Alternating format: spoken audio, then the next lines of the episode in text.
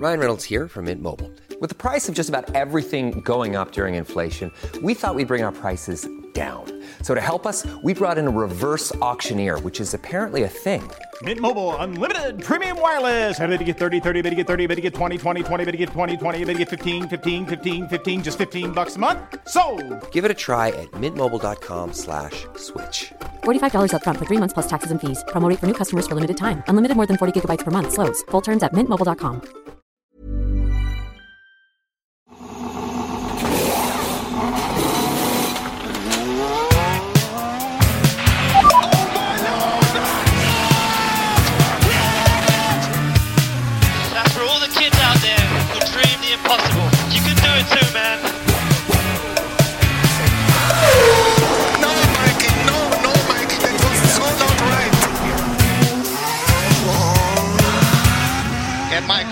and steering wheel. Steering wheel, claps and steering wheel here. Nu har det äntligen raceats igen och äntligen är plattan i mattan tillbaka med ett, eh, vad ska man säga då, ett eh, vanligt avsnitt, Anna, eller hur ska vi, hur ska vi nämna det, benämna det här eh, uppehållet som vi har haft? Det har varit specialavsnitt på specialavsnitt. Ja, du Filip Lindfors. Och sen hade vi inte bara nog med det, att vi hade specialavsnitt. Vi hade ju ett superspecialavsnitt också i slutet av förra veckan när jag faktiskt besökte Stockholm för ovanlighetens skull. Ja, och det undrar jag ändå. Det kan ju vara av intresse att veta varför. För att alla som lyssnar på den här podden vet ju att du är ju bofast i eh, de, på de skånska slätterna och jag eh, jobbar ju oftast inifrån redaktionen. Va? Men den här gången så var du på besök. Ja, vi hade ett litet möte där du och jag i livesändning dessutom. Bara sån sak va? Men hur kommer det sig? Ehm, jo, men det är så här att Sportbladet fyllde ju 20 år för två år sedan och då kom det en pandemi. Ehm, Så att eh, vi fick fira 20 plus två år och då var alla vi som faktiskt var med när den här fantastiska rosa tidningen startade uppbjudna till Stockholm på kalas. Och eh, jag hade ju inte varit den jag är om jag inte hade sett till att vi hade jobbat lite samma dag också. Nej, såklart. Det fick, det fick jag. Det har jag eh, fått känna prov på, va? Med, med all rätt. Jag hade, jag, hade, jag hade sett då i mitt schema att det stod ett kryss i mitt schema och då kände jag, fan vad nice, då kan jag vara ledig och dra på en runda golf eller något sånt innan festen, så kan vi hänga lite med Anna på festen. Men Anna Andersson ska ni veta, hon är en slitvarg som eh, kämpar på för laget Sportbladet.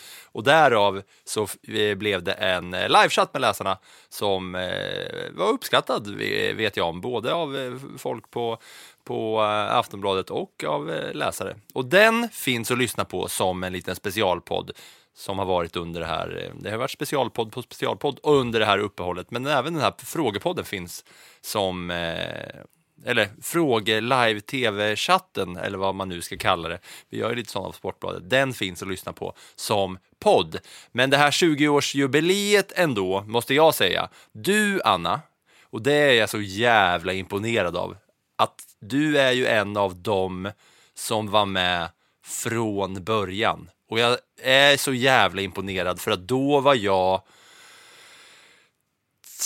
11 och mellan 11 och 30 så har jag liksom varit ett, ett fan av Sportbladet och alla dess eh, journalister innan jag själv fick vara en del av det. Och jag var ju på det här 20-årsjubileumet och jag har ju liksom varit med 4 procent. 2 procent av Sportbladets existens. Liksom. Inte ens det kanske. Men du har ju ändå varit med hela vägen.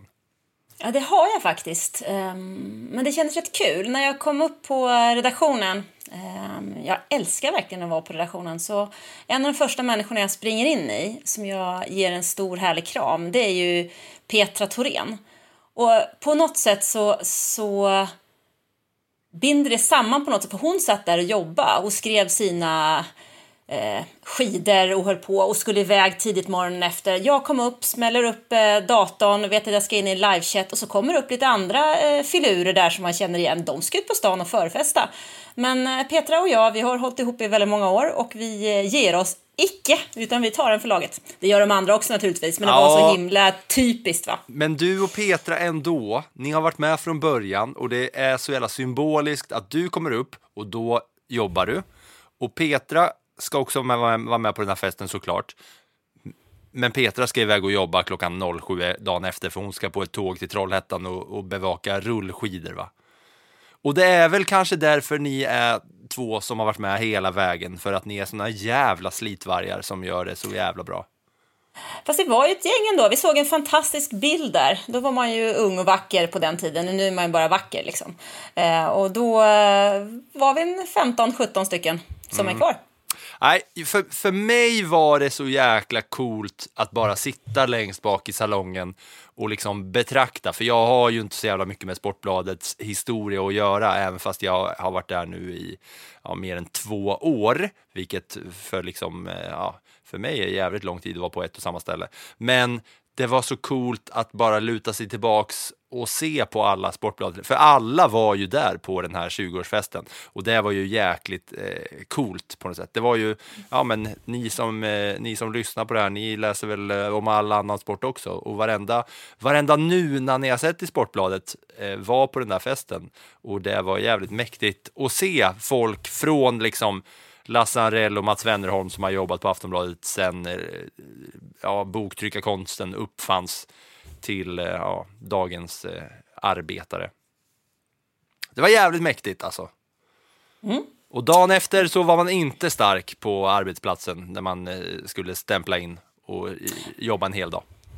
Dagen efter så eh, fick jag börja med att checka in på en F1-presskonferens faktiskt, redan väldigt tidigt på morgonen, så det var ju tur att man var pigg. För att då förkunnades det ju att Audi är klara för Formel 1 2026. Och den presskonferensen ville jag ju inte missa, så det var ju bara att logga in där och eh, ha lite koll på Stefano Dominicali och herrarna från Audi som nu alltså är klara. Det har vi pratat om länge, men det som är intressant är faktiskt att Audi kliver in före Porsche. Vi har snackat så mycket om Porsche och Red Bull, men de som verkligen talar om att vi kommer, det är Audi.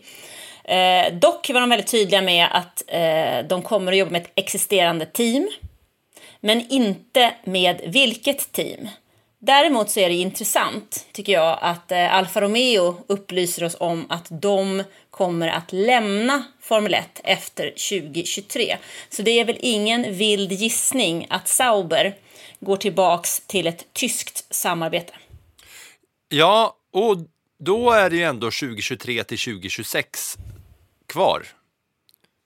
Och Ja, men vad- finns ju, det finns ju ingenting som säger att Audi inte kan tänka sig att gå in tidigare. De Nej. sa att de kommer att gå in 2026, men det behöver ju inte betyda att de inte kan tänka sig att gå in 2024. Och det var dit jag ville komma för att om då eh, Alfa Romeo ska lämna så behövs det ju fyllas upp en plats, antar jag. Inte fan kör man väl med ett team mindre eller? Nej, nej, men då hade ju Sauber kört för sig själva i sånt fall. Det är ju ett, Ja. det är ett gammalt, riktigt klassiskt team, Sauber, som ligger bakom det som nu är Alfa Romeo. Och de har ju haft olika samarbeten under året och det jag syftar på tidigare är ju BMW. Och när Sauber körde tillsammans med BMW så var det faktiskt ett vinnarteam. Så det blir ju ändå lite dubbelintressant och då, ja, det kanske blir så att eh, Audi kommer in innan 2026 som du säger. Så det blir ju eh, något att hålla utkik. Det kommer liksom hända, det är långt kvar till 2026 men det hinner ju hända saker och ting innan dess va? Ja, precis. Men det var ju en ganska kul... Nu har vi inte ens hunnit börja prata om Belgiens GP, men det var en Nej, ganska men ska vi inte bara stoppa, ska vi inte bara stoppa och säga nu börjar vi prata om racing och Belgien, let's go. Jag var på väg att säga att nyhet nummer två, Belgiens GP stannar ett år till. Vi har ju snackat hela veckan om att det kanske kan försvinna, men klart strax före, före start här så är man klar att det blir ett Belgiens GP 2023. Men nu tycker jag vi snackar om det som händer på banan istället för det som händer utanför. Mm, let's go! Och då undrar jag om det finns någon annanstans att börja än på Max Verstappen ändå, va? För att det började ju med det här kvalet, eller ja, i och för sig, nu säger jag, undrar om det finns någonstans att börja förutom Max Verstappen och sen så börjar jag i kvalet, så kanske ska man ändå börja i kvalet. För att det var ju inte bara Red Bull och Max Verstappen som hade eh, valt att byta motorenheter, vilket gjorde att de fick starta längst bak. Det var ju en och annan som hade samma eh, story. Eh, det var ju ett riktigt motorbytarparty kan man väl ändå säga den här helgen. Vilket jag gjorde att jag faktiskt tappade lite av min, mitt intresse för kvalet. För jag tyckte att när det nu som det här läget var sju stycken förare som hade olika Eh, komponenter som skulle ändras och en av dem eh, hade lite mindre än de andra, Walter är borta, så de andra skulle starta längst bak allihopa, så kändes det som att det vart ja, det vart alldeles för många steg för mig att räkna i alla fall under kvalet och jag tyckte att det tappade lite av sin eh, charm faktiskt. Vad tycker du själv? Eh, men jag tyckte att det var, jag tyckte att det var eh, pikt ändå. Alltså, eller inte pikt, men det var av intresse för att det var liksom något nytt. Man behövde ta så himla mycket, man behövde ha massa grejer i åtanke när det kvalades. Att eh, man visste att hur många var det nu egentligen som skulle starta det längst bak? Det var alltså, Sex. det var Verstappen, det var Leclerc, det var Ocon, det var Norris, det var Joe och Schumacher va? Och sen var det Bottas som hade lite mindre. Ja. Stämmer bra det. Ja, eh, tack. Och det var just matematiken som, som gjorde att man fick ju tänka ett extra varv för att de körde ju ändå kvalet. De, eh, de var ju ändå där och de ville ju in, passa på att ta sin tid på banan som man får. Så, så när då en sån som Alex Albon gör ett superkval och tar sig till Q3 och då, då vet man att när han kan bli som sämst tia i Q3 så kommer han automatiskt starta som sämst sexa på grund av alla de här motorbytena. Och det tyckte jag var ändå lite, eh, ja men det var lite refreshing på något sätt. Eh, det tyckte jag var kul. Ja, jag tyckte bara att det blev lite för mycket, för här kör alltså Charles Leclerc och, och Max Verstappen om startplats 14-15 liksom, istället för startplats 1 och 2. Ja. Och någonstans där, äh, jag tyckte inte att det var lika mycket refreshing, jag tyckte Nej, det var men det lite var ju det också. tramsigt. Det var ju det också, att eh, Leclerc och Verstappen och Norris och de här, de körde ju inte om att starta 1, 2, 3 och 4 som de brukar göra, utan de, kör, eh, de körde ju alla om att starta så nära Bottas, bakom Bottas som möjligt. Och det var ju något annorlunda, då vet man att de körde liksom om 11 eller 12 eller 13 eller 14 eller vad det nu var där. Det tyckte jag var, eh, ja, det var lite, det, var, det var något nytt i alla fall. Ja, det kan du få tycka. Men sen då?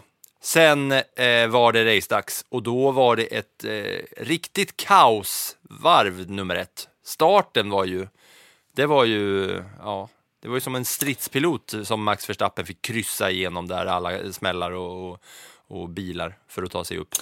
Jag tyckte den där starten hade väldigt många olika parametrar. Eh, vi har Charles Leclerc eh, som ligger långt, långt bak, händer ingenting. Hans kollega Carlos Sainz har vi längst fram, han tar oväntat starten.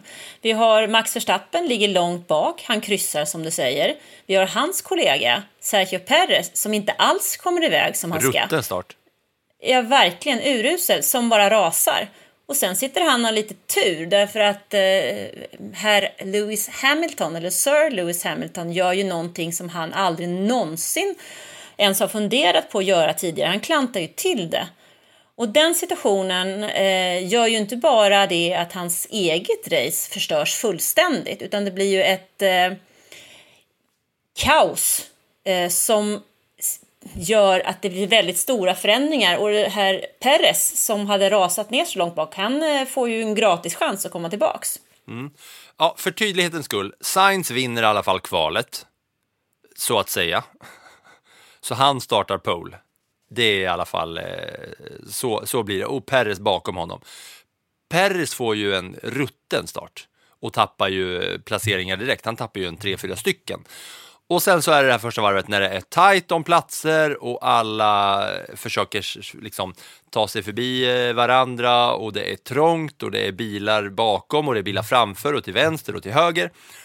Och sen är det då Lewis Hamilton som ska ta sig förbi Fernando Alonso och då kommer de alltså wheel to wheel. Och då är det inte det här wheel to wheel som man snackar om att när sidan av hjulet slår ihop med varandra, då är det alltså Hamiltons framhjul är framför Alonsos och han flyger ju upp då. Det är ju, det är ju en flygtur.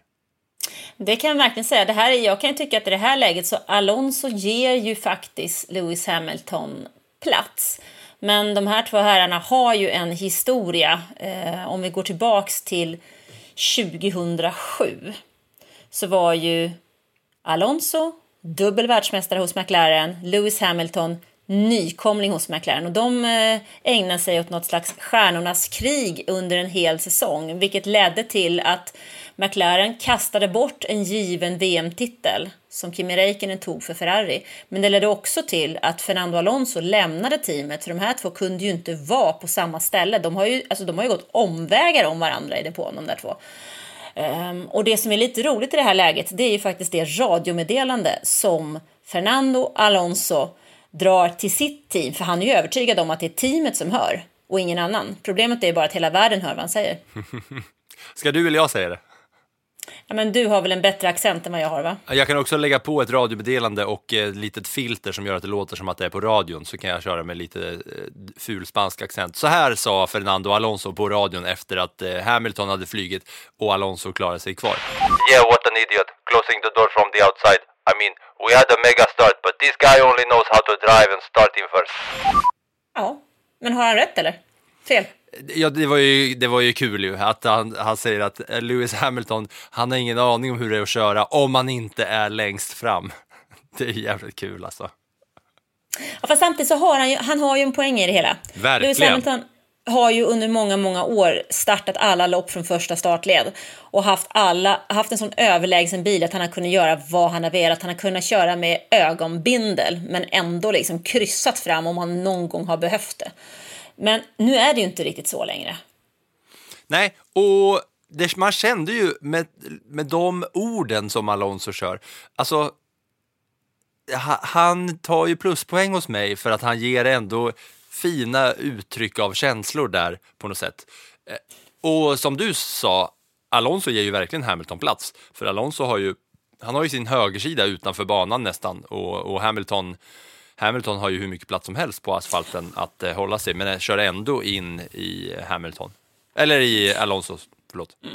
Men sen ska vi också för tydlighetens skull säga att i efterhand så bad ju Lewis Hamilton om ursäkt för det nybörjarmisstag som han gjorde och att det finns liksom ingenting som eh, kan förlåta det i stort sett som han gjorde där, för det var hans eget fel och eh, han fick betala för det. Och eh, Fernando Alonso ber också på sitt eget lilla sätt kan man väl säga om ursäkt efteråt för att han använde de orden som han gjorde, för det var ju inte menat för varken Louis öron eller för våra öron, utan han gav bara uttryck för sin egen enorma frustration. Alonso känns ändå som en kille som skulle kunna, om, om Hamilton hade blivit liksom riktigt vansinnig och kränkt och, och ledsen av det där, och om Hamilton hade konfronterat Alonso så bara, varför kallar du mig jävla idiot? Då skulle Alonso ändå, han känns som en sån kille som bara, ja ja, men du, fan, du är en jävla idiot. Det känns som att Alonso skulle kunna stå för det och bara stå upp rakryggad och säga samma sak igen där. Det han gör på varvet efter är också skitkul, för att då blir det ju säkerhetsbil. Bilderna går ju till eh, Hamilton som står där och kollar på sin eh, bil som de säger stopp, stopp eh, i teamet. Och sen är det ju säkerhetsbil. Och när Alonso då kommer på varv två, då är han så fokuserad för då har han liksom tänkt att nej, jag ska fan hytta med näven till Hamilton. Så han hytter med fingret på samma sätt som han hytte med fingret mot Synoda för ett par race eh, sedan. Så när han kommer då på samma ställe där Hamilton står parkerad, då hytter Alonso med pekfingret mot Hamilton. Så där ska du inte göra lille pöjk. Och han är så fokuserad på det så att han missar ett eh, radiomeddelande från sitt eget team om att de har bilinställningar. Så när han åker förbi Hamilton, då måste han säga ah, förlåt, förlåt, eh, vad var det ni sa? Och då handlade det om att han skulle ja, trycka på lite knappar för att ändra inställningar på bilen från teamet. Det tyckte jag var kul. Det gäller ju att prioritera. Ja, verkligen. Och det var fan rätt prioriterat av eh, Alonso där. Och hytte med fingret. Hytte med näven säger man. Va? Kan man hytte med fingret eller? Jag har nog aldrig hytt med mitt finger, jag har nog skakat det. Vad säger man? Hytte med näven, det vet man ju vad det är. Hytte med pe- som en gammal gumma pekar Och jag med... ser, jag ser där hur du sitter och viftar med fingret och du ser ut som en gammal gumma, jag lovar. Ja, det är en Kenneth Andersson fast fram snabbt och tillbaka liksom. Hytte, hytte med pekfingret. Det var Alonso och Hamilton. Jag tyckte det var en rolig, eh, det var en rolig liten, ja, en liten fight som var, var mysig. Det var det, för annars tyckte jag att det här eh, loppet, Belgiens GP, det tog slut på varv 18. När Verstappen hade kryssat sig igenom hela fältet och eh, tagit sig upp i ledningen. Alltså han flög, han hade vingar, han körde i en egen galax. Ingenting kunde stoppa honom den här dagen. Vilket gjorde att racet i sig kan jag tycka kändes lite avslaget på en av de absolut bästa banorna, en bana som jag personligen tycker väldigt, väldigt bra om, så var Verstappen helt enkelt för bra för sitt eget bästa, eller för F1-sportens bästa. Ja, och det här har ju fått lite, det har ju fått lite snurr på eh, sociala medier och sådär och bland eh, racingfans. Men om vi bara börjar med att eh, prata lite om Verstappens prestation först. Hur mycket är, om jag, alltså som jag undrar, den här nya motorn som Verstappen har tagit. Hur mycket är den nya motorn och hur mycket är bilen och hur mycket är Verstappen om man bollar upp det så? För att Perez kör ju också runt i en Red Bull-bil. Men han har ju, han är ju liksom, Verstappen kör ju nästan en sekund snabbare än Perez per varv efter, ja, däremot eh, slutet eller vad det är. Ja, men Fattar du, förstår, du vad, förstår du vad jag, Ja, vad ja, jag, jag, förstår försöker precis, fäkta jag efter? förstår precis vad du tecknar efter, men jag tror det är svårt att sätta- sätta en procentsats på det där. Däremot så kan vi konstatera att den här bilen är ju byggd för Max Verstappen. Han har varit i teamet i många år. Han vann VM förra året. Han vet precis hur han vill ha sin bil. Och teamet känner honom och man följer ju honom. Det är ju jättetydligt. Sergio Perez är ju, han är ju vattenflaskbäraren. Han är ju vad Rubens Barrichello var till Michael Schumacher. Han är ju liksom den som ska assistera och hjälpa till och göra sitt bästa för att köra hem andra platser. Och det var ju precis det som han gjorde här. Max Verstappen är överlägsen Sergio Perez i nio lopp av tio. Alltså han, var så, han var så bra, tycker jag, den här helgen. Så ofta slutar racen med att när han vinner att vi sitter och pratar med alla andra som var dåliga. Men den här gången så var det så tydligt att Max Verstappen var så... Alltså han var ju fantastisk. Ja, nej, jag, brukar, jag brukar ofta känna Eh, så här... Eh, ja, hela, hela Max Verstappen och i re- liksom, teamet Red Bull, det är liksom inte så jävla lovable, men efter ett sånt här race så går det inte annat än att bara så här, kasta stolen bakom sig, ställa sig upp och klappa sina händer för, för prestationen. Han startar 14 och efter åtta varv så är han trea. Nej, han startade 14 han fick starta 13 för att Gasly start, stannade, fick starta i depån där. Det tog åtta varv för honom att komma upp som trea. Och när han då kör förbi Alonso, tror jag det är, som ligger där uppe. Ja, jag vet inte om det var för andra platsen eller om det var för tredje platsen. Så ser det liksom ut som att det är en teamkamrat som släpper förbi honom. Det ser ut som en Ja. teamorder-grej när Verstappen kör förbi Alonso. Alonso kör ju så fort han kan. Men det ser verkligen ut som att teamorder bara säger någon till Alonso, nej nu får du släppa honom och att man bara coastar på gasen liksom. För det såg så extremt stor skillnad ut på, på farten där. Ja, men jag tyckte det känns lite grann som när man kör här nere på E65. Så är det så här dubbelfiligt, ibland tvåfiligt och sen är det enfiligt.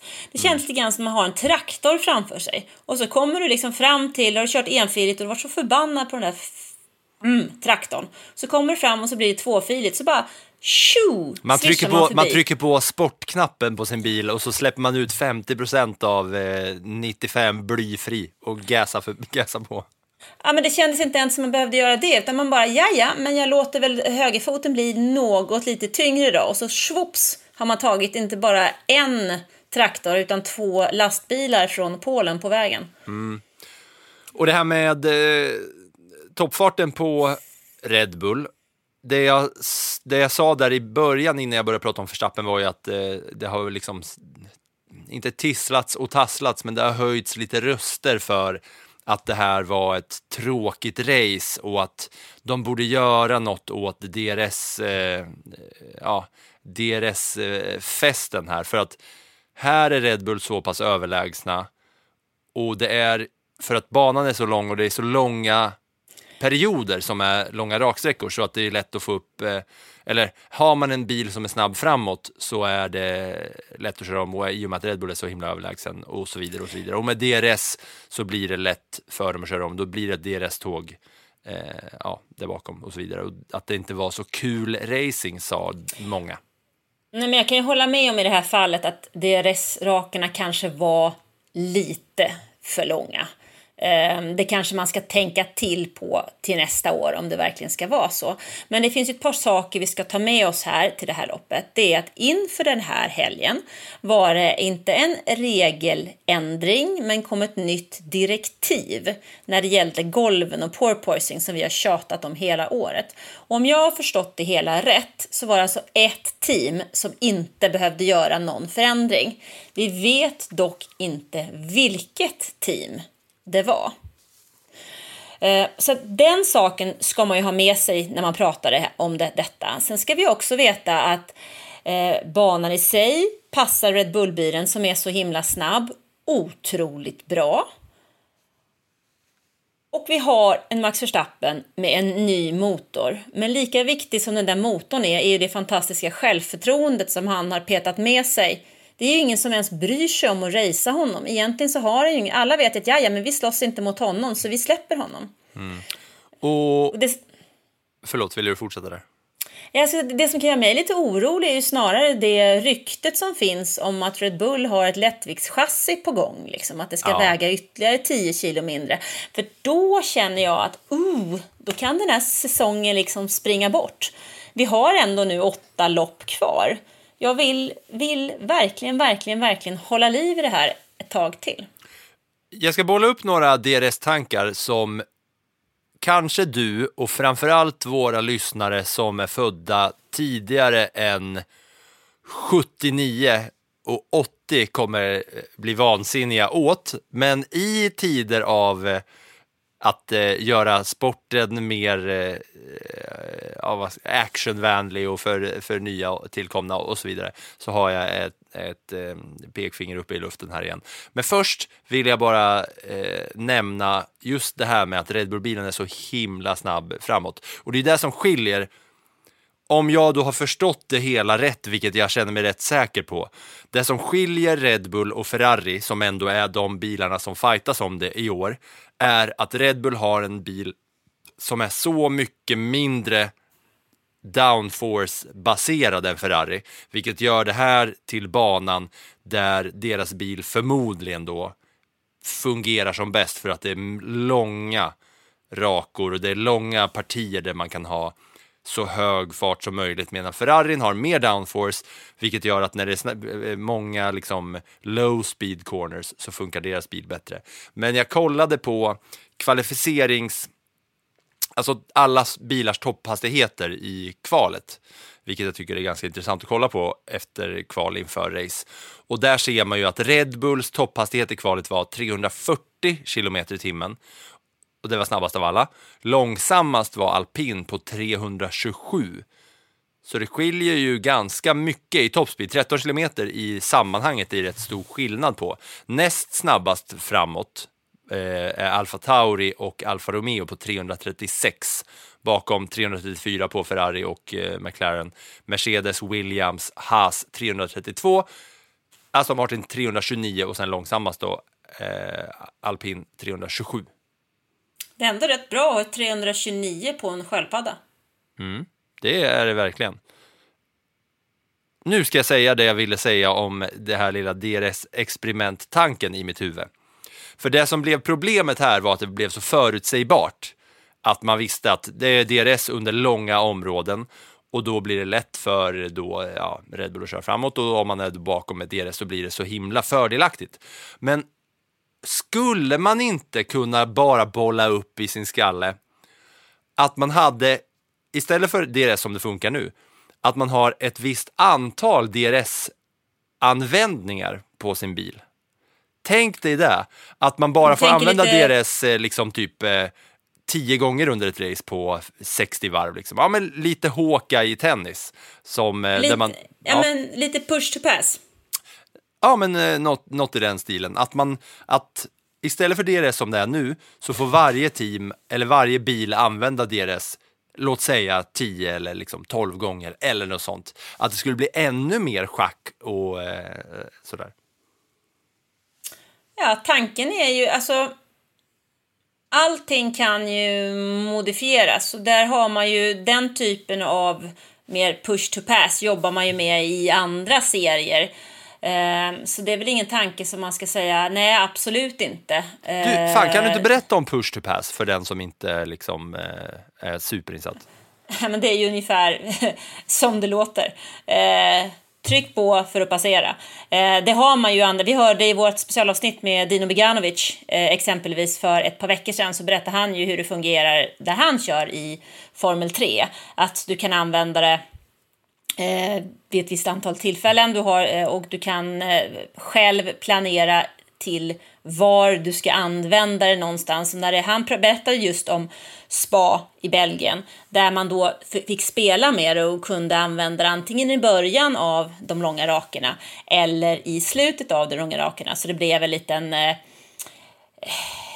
Ja, alltså ett litet schackspel där mellan bilarna, hur man använder det och hur mycket, när man ska använda det och i början i slutet och hur man ska hantera det där. Så att, eh, ja, eh, det kanske är en idé. Samtidigt så är jag ju lite sådär, det här var ju en väldigt tydlig bana där Red Bull var klart bättre än alla andra. Men det kommer ju andra typer av banor också. Eh, vi ska till Sandfort i Nederländerna i slutet av den här veckan. Vi hörde Carlos Sainz stå efter det här loppet och meddela att eh, han trodde nog att det kunde gå passa bättre för Ferrari där. Därefter kommer Monza som är den stora höghastighetsbanan som är snabbare än snabbast. Ehm, så att det blir också en helt annan typ av bana. Så att man ska ju inte bara för att det är en sak på en bana börja ropa efter nej men nu måste vi göra någonting. För att det är också så att har man ett nytt, nytt reglemente så måste det sätta sig lite. Ja, jag bollar upp eh, idén i alla fall för lyssnare att eh, latcha med i sina skallar. Ja men jag högg inte huvudet av dig. Nej, vilket jag verkligen trodde att du skulle göra. Du kanske får säkert någon mail nu av eh, folk som är vansinniga på mig att den här Filip måste vi fan plocka bort. Han fattar ingenting om F1 om man ska hålla på och ändra. Men eh, ja, jag kan, kan vara f- pikt ibland. Känner Du jag. Filip, det har jag redan fått. Ja, det förstår jag. Och det är väl säkert med all rätt. Och till er så ska jag, som, som skickar mejl till Anna med vansinne om mig. Ja, men ni, vi är tillsammans här. Vi är olika generations av F1-fans och många som lyssnar är nytillkomna och vi, vi växeldrar ihop. Du, vill du eh, säga någonting kul om Ferrari som klantar bort sig igen?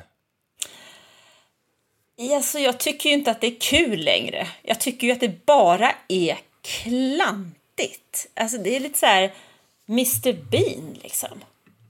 Men vad är det igen? Alltså i det här läget, var ska vi börja Filip? Jag som Arsenal-vurmare tycker att det här känns lite som Arsenal 2013 till 2017. Och den som kan se fotboll vet vad jag menar. Det är, de är liksom dömda att skjuta sig själva i foten hela tiden. Och även om de nu liksom ska kunna cruisa in på en tredje och en femte plats som de skulle kunna göra så klantar de sig ändå i slutet. Alltså de hade ju ingenting att sätta, vi, tidigare på säsongen har, har det ju varit fight mellan Ferrari och Red Bull och sen har Ferrari klantat sig om och om och om och om och om om om, om, om igen. Och den här gången så var det ju nästan höjden av klanteri. För att Sainz är klar som trea, han var visst lite hotad av eh, Russell. Men Leclerc får då ett meddelande på sin radio som, ja vi kan väl lyssna på det då. So box this lap. Pit confirmed. I will not risk it this time. But up to you if you really want to try it, but I will not risk it.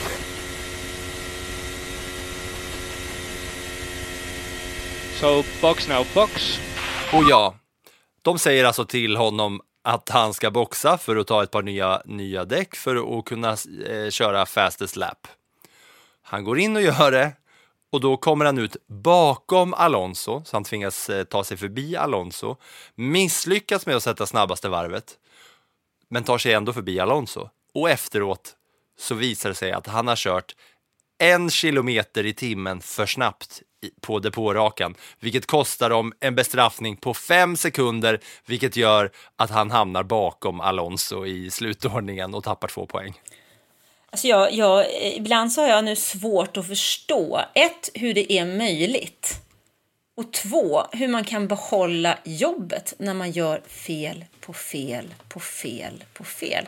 Jag eh, brukar vara lite försiktig i det där med att man ska plocka bort folk. För de har ju någonting att komma med och man måste ju på något sätt jobba tillsammans. Men här börjar jag fundera över, det är lite som Stefan Johansson sa i sitt specialavsnitt där. liksom, Lillövis-avsnittet för eh, två eller tre avsnitt sen. Tillbaka och lyssna på det. Kul avsnitt. Många som inte hade någon aning om vem han var, men som tyckte att det var roligt. Vad sa han?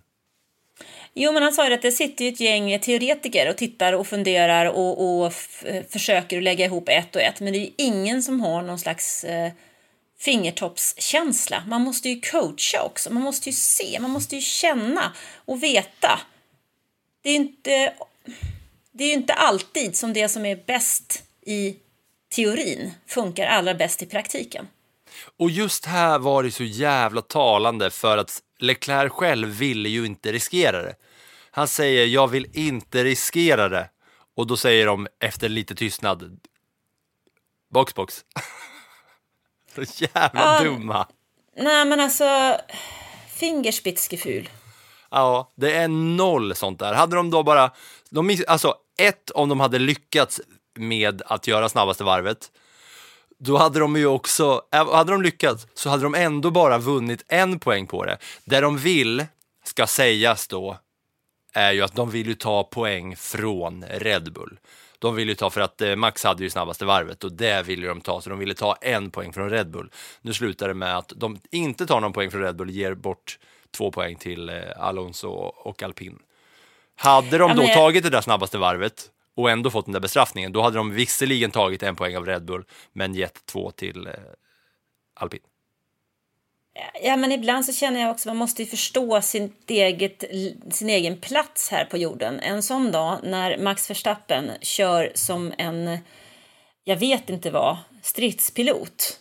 Eh, och är så överlägsen. Alltså det hade, du hade ju inte ens kunnat hälla ut olja på den där banan och han hade inte vunnit. Allt han gjorde gick hem. Är det då värt att ta den risken i det läget? Och det finns, det finns lite smaskigare detaljer kring hela den här grejen. För på varv ett, eller om det nu är på varv två, vilket jag ja, lite kanske har glömt, så säger Leclerc någonting om att eh, det, luktar, det luktar något lurt här i bilen, vi måste, by, vi måste in och så säger de att de ska in och byta däck. Han byter ju däck på typ varv, ja, vad är det? Är det varv ett eller varv två eller något sånt? Och då har det nu kommit fram, för att det är någon eh, overheating på någonting i Leclercs bil. Och då har det nu kommit fram att det är så att Verstappen har någon liten plastbit på sitt visir på sin hjälm. Ni vet sån liten skyddsplast som sitter ovanpå glaset. Som han sliter bort där under varv ett eller om det nu är varv två eller tre där.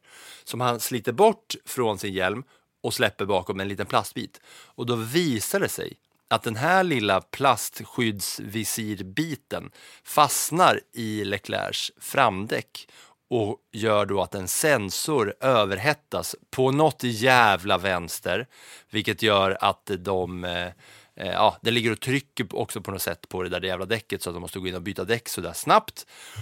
Och då går de ut sen och säger att anledningen till att Leclerc körde en kilometer i timmen för snabbt i pitlane var på grund av att den här sensorn funkade inte för att den hade överhettats av Max Verstappens lilla plastbit. Det är ju som Mario Kart när man sular ett bananskal bakåt. Det är precis det som händer. Sular ett bananskal bakåt eller ett grönt skal eller ett rött skal och Leclerc åker på det. Mm, det där, är- det där är sånt som brukar hända på, i Monaco. Där kan det ju fastna allt möjligt. Glasspapper och läskburkar och allt Ja men det är så jävla sjukt att bara se dominobrickorna hela vägen. Att Red Bull lyckas med allt. Max sular bort en liten plastbit från visiret som Leclerc får in i sitt framdäck som gör att han måste gå in och byta däck, vilket gör att han tappar i början ännu mer när de båda startar så långt bak.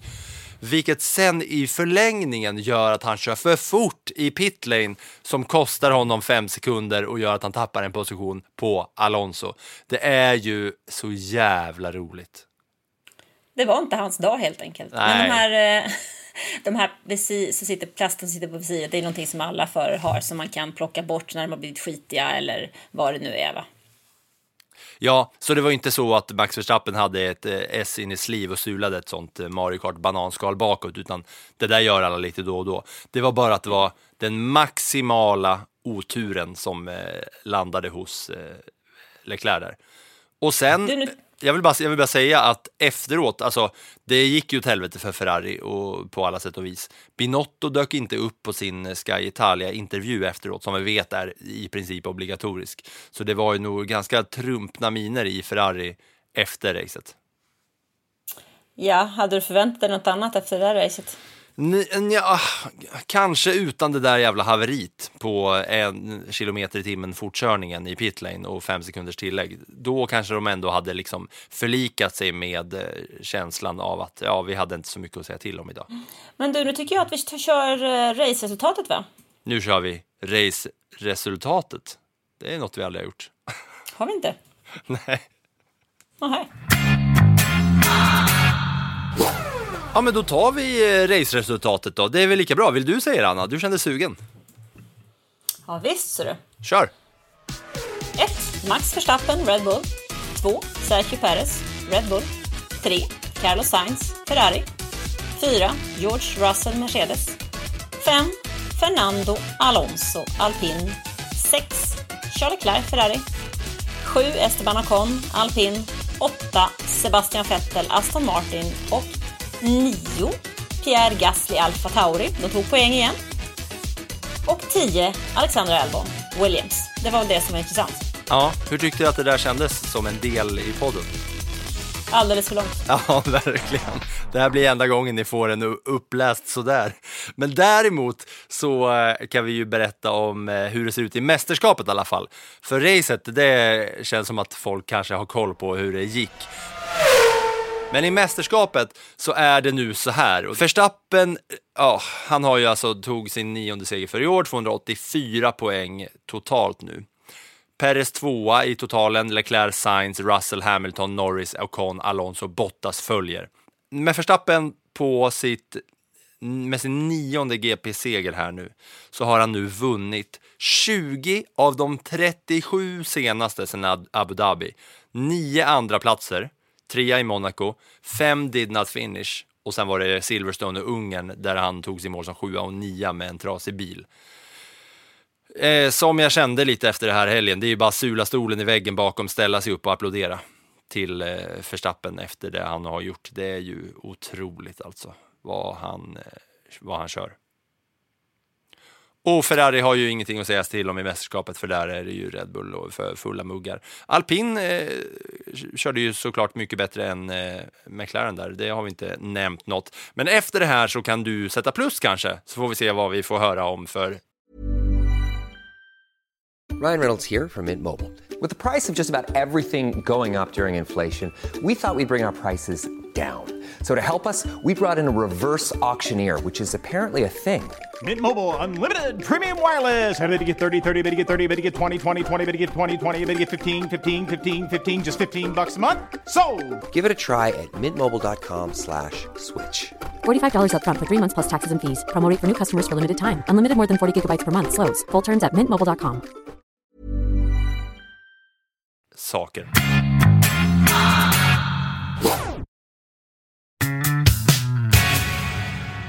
Då börjar vi med eh, ett plus.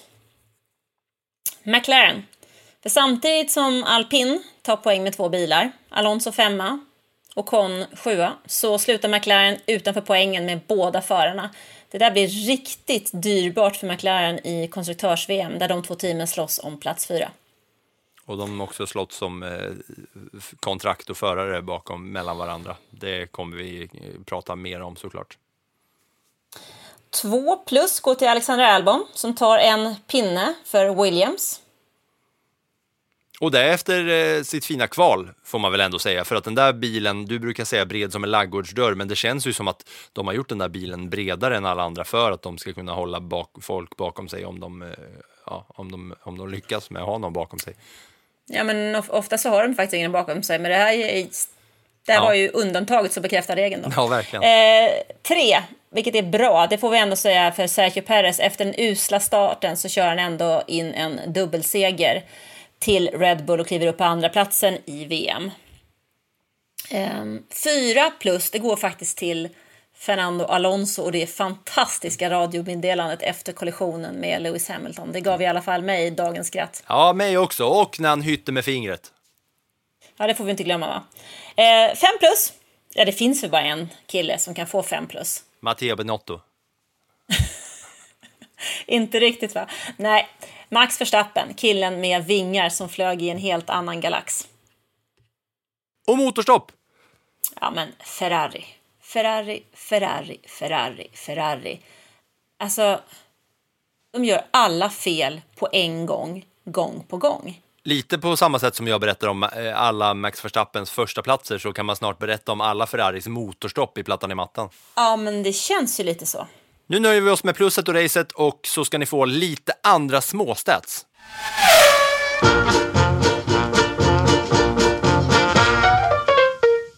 Vi börjar med att berätta att nu, efter att Hamilton flög mot Alonso och inte gick i mål, så har nu alla förare ett race där de inte gått i mål i år. Nu finns det ingen som har kört alla race. Kommentar? Jag tycker att det är ganska väntat under en säsong när vi har så stort nytt reglemente. Ja. Ehm, Men det dröjde någonting- ändå länge. Ja, ja, men det är ju 20 förare. Ja, ja, det stämmer. Så här är det om Max Verstappen nu, för det finns mycket att säga om Max Verstappen. Det här var andra racet i rad där han startade utanför topp 10 och vinner. Det här har bara hänt två gånger i historien. Förra gången det hände var 1959 i det sista racet och det första racet 1960 när Bruce McLaren, ja, den McLaren, startade utanför eh, topp 10, 59 i sista loppet och så startade han utanför eh, topp 10 i första loppet 1960. Det var alltså två race i rad och sen går han och vinner. Och det har alltså bara hänt de här två gångerna. Det är en hel pensionsålder sedan. Ja, eller hur?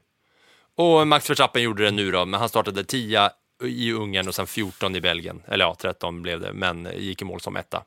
Det har hänt två gånger, otroligt. Och sen var han också tredje förare någonsin att göra det i Belgien.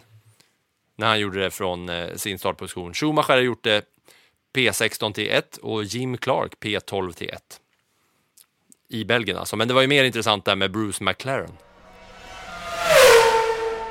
Nästa är att Hamiltons HBTQ-hjälm-streak is no more. Den har jag tagit upp här många gånger. När han har haft sin, sin regnbågsflaggsfärgade hjälm så har han hamnat på podiet. Men nu är det över. Ja, är det inte så? Streaker är till för att brytas.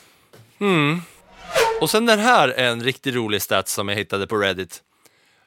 Nu är det så här matematiskt att Ocon, Alonso, Bottas, Magnussen, Vettel, Ricciardo och Gasly är alla borta från VM-titeln matematiskt sett.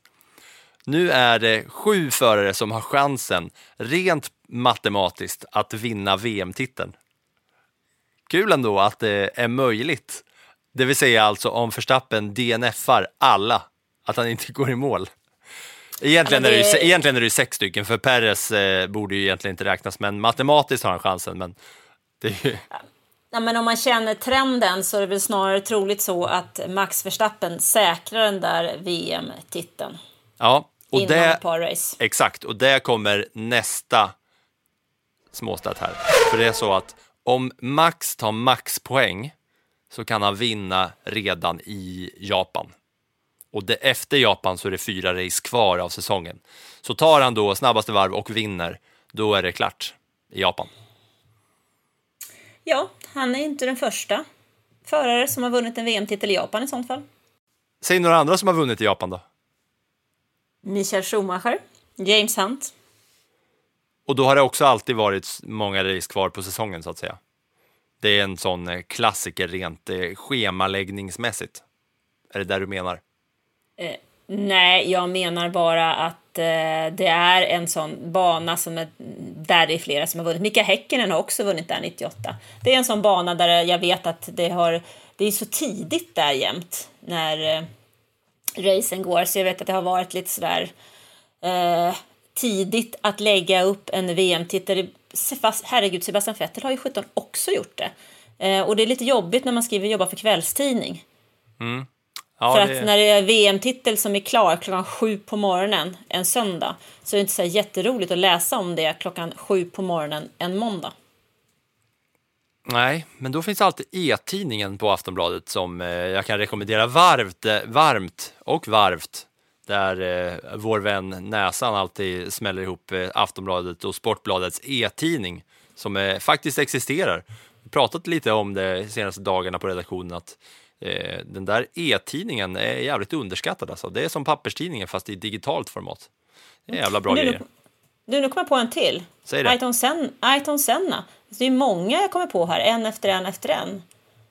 Är, ibland så är det dumt när man häver ut sådana där saker, så frågar du vilka, då måste jag börja tänka efter. Mm. Men det är just, jag gör det för att jag vet att du sitter ju inne på all den här jävla informationen. Jag har ju säkert glömt någon ja, också. Men, det är väl eh, klart, men du har för fan levererat tillräckligt Anna. Du har så jävla bra koll på allt. Något annat du har koll på, det är att nästa vecka så ska det racas i det som nu för tiden heter Nederländerna. Och banan heter Zandvoort.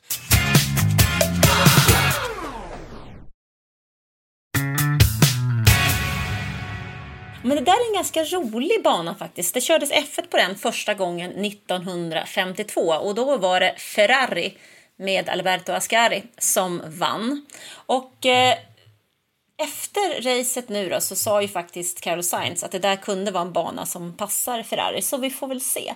Eh, den är 4,2 kilometer lång. I fjol så gjorde den faktiskt comeback efter 36 års frånvaro. Det som är lite intressant är att den ligger vid Nordsjökusten i sanddyner, vilket ju kan ha en effekt om det blåser mycket så kan det komma in rätt mycket sand på den där banan. Därför den Eh, heter och det- Zandvoort. Och det är också så att eh, vädret förändras ju rätt snabbt vid Nordsjökusten. Eh, vi har fyra vänsterkurvor, tio högerkurvor. Verstappen, hemmaförare, vann i fjol efter två depåstopp. Vid 13 tillfällen så har föraren vunnit från pole position. Och eh, högsta startposition som en förare vunnit på är startposition 10. Och det gäller då Niki Lauda 1985 och René Arnault 1983. Och jag funderar lite grann över det här med flest vinster och sånt, det pratar vi om ibland. Men eh, jag vad ska jag säga, Jim Clark har fyra vinster, Niki Lauda och Jackie Stewart tre. Vi, I modern tid nu så har vi bara kört ett lopp där och då vann Verstappen före Hamilton, Bottas, Gasly och Leclerc. Så rent procentuellt så är Verstappen etta där gissar jag på. Det får man väl eh, säga va? Typ, ish. Jag vill bara säga om eh, det du sa om banan och att Sainz har pratat om att det kanske ska passa Ferrari bättre. 4,2 kilometer eh, Nederländerna nästa vecka. Spa 7 kilometer. Det är en jävla skillnad på längd på varv. Ja, och på bantyp eh, och på hastigheter. Så det här är ju en helt annan utmaning. Men det är lite det som jag kan tycka är skärmen med Formel 1. Det är att det är olika banor. Olika typer av banor som man måste vara bra på. Men jag tror ju att eh, Max Verstappen kommer att trivas här också. Ja, det får man väl eh, gissa. Va? Nu är det ju så att eh, de som spelar motormanager kanske har liksom Vissa har glömt bort att man lirar det, andra kanske har gett upp säsongen för att man är sämst. Vi har ju ett litet internbett på redaktionen, jag, Makoto Asahara och Micke Ljungberg.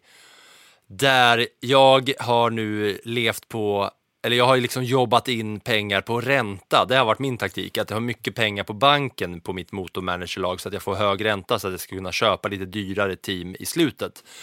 Och jag hade fingrat färdigt på ett lag inför den här helgen på med Red Bull i depån, med Red Bull som bil, Max Verstappen och Perez. Jag har bestämt mig för att gå all in på Red Bull.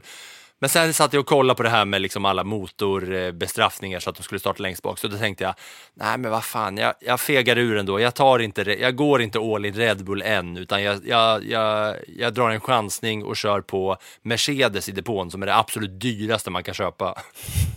för att de ändå skulle ha två bilar längst fram. Kanon! Så det gick åt helvete för mig i mitt lilla internbett mot eh, mina två vänner. Men inför Zandvoort så kommer jag byta in fullt med Red Bull-folk överallt. Även om, de, även om Sainz säger att det ska passa Ferrari bättre. Lycka till! Vad har man eh, mer annars att eh, tänka på där Nederländernas eh, GP då? Det kommer ju vara satan med orangea rökbengaler och orangea kepor på eh, läktaren. Och det är ju så här att vi tänker ju att det, det låter så jävla mycket om de där bilarna när de sitter där i. För jag tänkte säga så här, hur fan ska Max Verstappen liksom utöver hela helgen märka av att det är hemmarace? Men så kom jag på att när vi snackade med Felix Rosenqvist i eh, vårt första gästavsnitt, då får ni spola tillbaka ännu lite längre och scrolla ner i, i podd, eh, podd eh, vad ska man säga, poddmenyn där på plattan i mattan. Om ni inte har hört avsnittet med Felix Rosenqvist. Han säger ju att det är så jävla sjukt, för när man kör de här stora racen, då snackar han om Indiana, eh, Indianapolis eh, eller Indy 500, att man faktiskt hör publiken, trots att man sitter och gasar omkring där i sin, i sin bil. Så Max Verstappen med hemmapublik, det lär ju bli något eh, utöver det vanliga för honom. Säkert, fast han hade ju å andra sidan hemmapublik den här helgen också. Han, han är, är så- faktiskt född i Belgien. Ja, just det. Jag tänkte att jag skulle svara på att du skulle säga han hade faktiskt hemmapublik förra året också. Men då tänkte jag kontra med att säga att ja, men han är jävligt mycket större stjärna nu än vad han var vid den här tidpunkten förra året. Mm, jo, men titta bara på hur han har haft det alltså på Red Bulls hemmaplan. Nu vann visserligen eh, Charles Leclerc i Österrike. Och eh, den här helgen. Så att, eh, mm. Ja, det, kommer bli, det kommer bli jävla orange på, eh, under kommande helg. Kommer det vara utskåpning från start till mål eller kommer det kanske vara lite sp- eh, spännande redan i kvalet kanske? Vad tror du? Jag tror att eh, jag faktiskt ska hålla den inne. För jag vill se de här kvalen nu innan jag fullständigt dömer ut Ferrari. För annars är risken stor att jag säger någonting som jag kommer att få ångra. Mm, jag är ju den som gärna eh, står för saker som jag säger som jag kommer ångra. Så jag säger ju att det här som jag har sagt om eh, Mercedes och att snart kommer första segern, det har, kommer jag ju få ångra va. Men jag står ändå för att jag har sagt det. och det kommer ju inte gå så jävla bra för Mercedes. Nu är det bara Red Bull all the way här. Vi vill säga en annan sak också. Att innan vi nu lägger på här och eh, kör outro med Kimi Räikkönen som frågar vart hans eh, driving gloves har. Så är det ju så här att hela kontraktshaverit med Alpin och McLaren och eh, Oscar Piastri. Det pågår just nu i supermegadomstolen som ska vara opartisk och avgöra vem som har rätt och vem som har fel och vem som ska ge vem pengar och vart Oscar Piastri får köra nästa år. Som kommer sätta någon slags snöboll i rullning med vart alla förare kommer köra inför nästa år. För att det känns som att mycket hänger på det här. Det är så att vi spelar in måndag kväll, dagen efter eh, Belgiens GP. Och det är ju under måndagen som de har gått in i den här supermegadomstolen för att få det här avgörandet, eller hur Anna? Ja, och det här CRB som de heter, de har tre dagar på sig att eh, kika efter, eller lämna någon form av besked på vad som gäller. Så att vi får väl helt enkelt eh, vänta och se. Det kan hända att vi har ett eh, besked här under onsdag, torsdag kanske. Och så håll koll på bloggen. Mm, och för er som faktiskt eh, lyssnar på Plattan i mattan men inte läser bloggen så går man alltså bara in på sportbladet.se och så klickar man på motorsport eller så kollar man och ser eh, efter F1-nyheter så klickar man bara där så kommer man in på Annas, Annas eh, motorblogg. Så vi får väl säga att när den här podden kommer ut tisdag midnatt till natten till onsdag, onsdag morgon när folk kanske åker till jobbet och så där, då kanske det har kommit ett besked om vart Piastri kommer köra nästa år. Och det då, bara som kan vara värt att nämna innan vi säger hej då, är ju att ryktesvägen och lite så här seriösa F1-journalister med bra inside hävdar ju att det kommer ju vara till eh, McLarens favör här, att Piastri kommer köra McLaren och då kommer det finnas en ledig stol i alpin. Ryktet är om kanske blir det Ricciardo, kanske blir det Schumacher, kanske blir det Pierre Gasly, en annan fransman i ett franskt team. Har jag fel, Anna? Nej, du, det är så mycket rykten och så mycket fram och tillbaks. Så det är väl någonting där. Det kan ju också vara så att det blir Joe som eh, tidigare har varit alpinjunior. Eh, Alternativen är ju ungefär lika många. Det finns ju de som pratar om Colton Hurta, att McLaren gärna vill försöka hitta en väg in och att F1 gärna vill se en amerikansk förare. Så att, och då, kan, då är det ju i nu... så fall då det utfallet ifall det är så att alpin får rätt och då kan liksom claima Piastri som en alpinförare, vilket skulle också kännas så jävla sjukt att då efter allt det här jävla krånglet att Piastri då ska sitta i en alpinbil och köra även fast de hatar varandra. Men det skulle i så fall öppna för Colton Hurta och det som du var på väg att säga innan jag avbröt dig, som jag gör ganska många gånger, vilket jag får eh, väl skämmas lite för. Men nu avbröt jag dig och skulle, när du skulle säga om att F1 vill ha en amerikansk förare.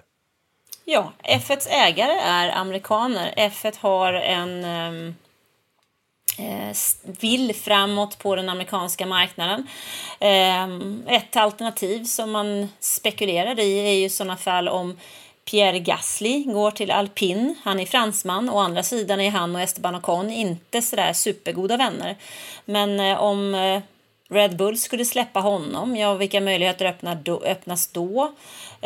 Colton Herta, som dock inte har någon superlicens än, i en Red Bull-bil. Hur många energidrycker kan det sälja på den amerikanska marknaden?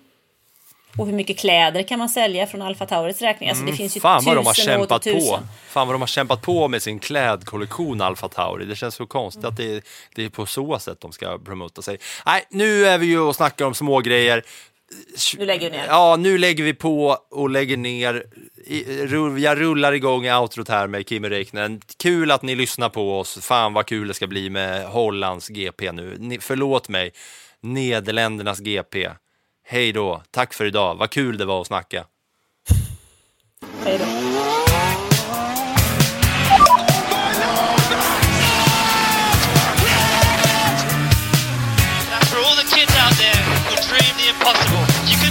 No,